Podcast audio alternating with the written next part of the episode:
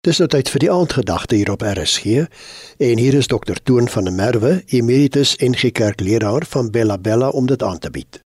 Goeienaand vriende. In hierdie aanduur kyk ons hierdie week na die uitsonderlike gebeurtenisse wat in die Bybel vir ons oor hierdie tyd aangeteken is. Een ding is seker. Die aanduur is nie net 'n tyd vir slaap en droomland nie. Dis ook soms 'n tyd van rondlol en vroeg oor oplossings te soek vir dinge wat pla. Soms wil ons koppe gedagtes ons net nie loslaat nie. So was dit ook met die besondere fariseer genaamd Nikodemus gewees het. Besonder omdat hy as lid van die hoogste gesag onder die wetgeleerdes, die Sanhedrin, 'n huislose, rondswerwende rabbi uit 'n veragtelike dorpie Nasaret om raad kom vra het. Hy moes maar van sy hoë stoel afklim. Maar hy besoek Jesus daarom in die middel van die nag. Waarom?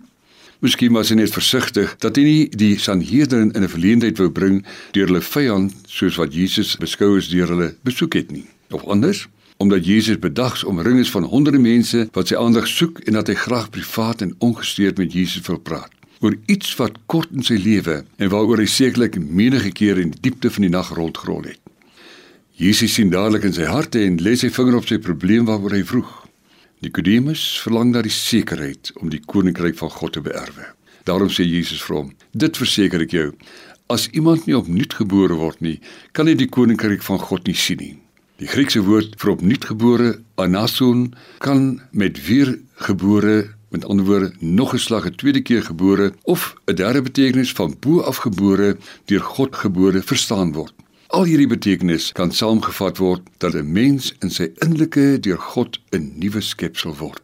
Soos wat Paulus in Galate 5 vers 15 stel. En as Nikodemus wonder hoe dit gebeur, sê Jesus, deur water en die Heilige Gees. Die water, dit kan die doop wees, was die ou lewe van sonde weg, terwyl die Heilige Gees 'n nuwe gesindheid, 'n onweerstaanbare liefde vir God en jou naaste in jou innerlike mens skep. Dit doen die Here wat die Gees is, sê Paulus later.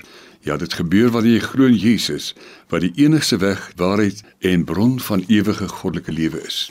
Net daarna verklaar Jesus die rede waarom God ons so verander en verseker van die ewige toekoms as hy sê in Johannes 3 vers 16, die baie bekende woorde: God het die wêreld so liefgehad dat hy sy enigste seun gegee het sodat die wat in hom glo nie verlore sal gaan nie, maar die ewige lewe sal hê.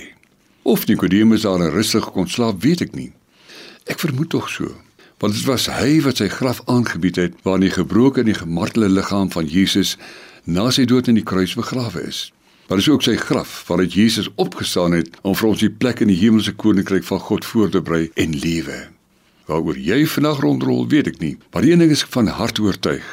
As jy dit na Jesus, die gekruisigde en opgestaane Here neem, hy sal luister en aan jou die verlossing en die vrede gee.